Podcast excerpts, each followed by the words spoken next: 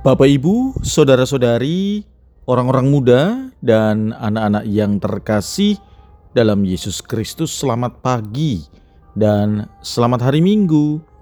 Salam bahagia dan salam seroja untuk kita semua berkah dalam. Bersama dengan saya, Romo Antonius Garbito Pambuaji menyampaikan salam dan berkat Allah yang Maha Kuasa dalam nama Bapa dan Putra dan Roh Kudus. Amin. Marilah kita berdoa. Ya Tuhan, dengan penuh rendah hati kami datang kepadamu. Bimbinglah kami untuk dapat merenungkan sabdamu dengan bijaksana dan penuh pengertian, agar kami dapat menjalani kehidupan dengan bijaksana pula, penuh kasih dan kesabaran. Semoga kami dapat menumbuhkan benih iman kami dalam hidup sehari-hari. Dengan pengantaran Kristus Tuhan kami, kini dan sepanjang segala masa. Amin. Hari ini Minggu 23 Juli, kita memasuki hari Minggu biasa ke-16.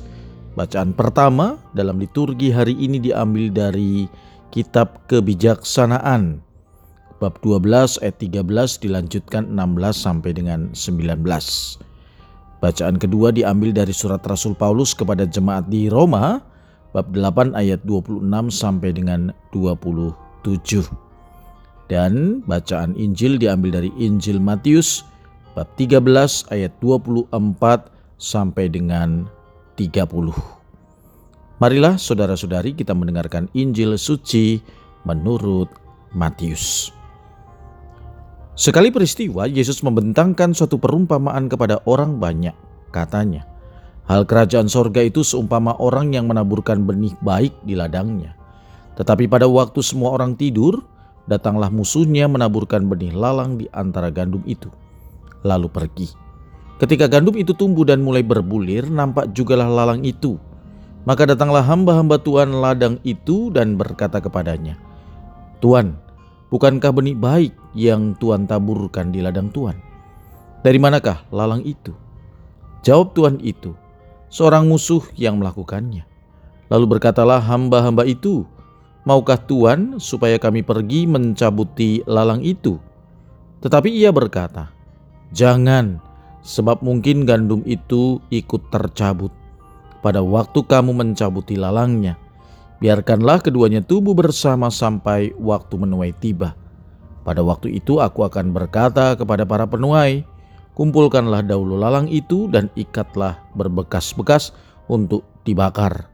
Kemudian kumpulkanlah gandumnya ke dalam lumbungku. Demikianlah sabda Tuhan. Terpujilah Kristus. Bapak Ibu, saudara-saudari yang terkasih, kalau Anda membaca bacaan pertama dari kitab Kebijaksanaan bab 12 ayat 13 dilanjutkan 16 sampai dengan 19, kita diajak untuk menyadari kasih dan kebijaksanaan Allah yang berlimpah.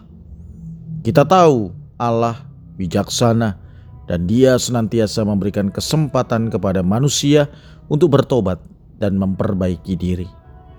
Kebijaksanaannya mengajarkan kita untuk bertumbuh dalam iman dan mempraktikkan cinta kasih kepada sesama.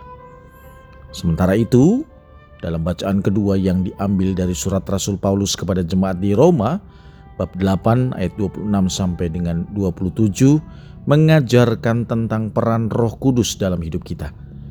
Roh Kudus membantu kita dalam doa-doa kita bahkan ketika kita tidak tahu apa yang seharusnya kita doakan. Roh Kudus adalah penghibur dan penolong kita.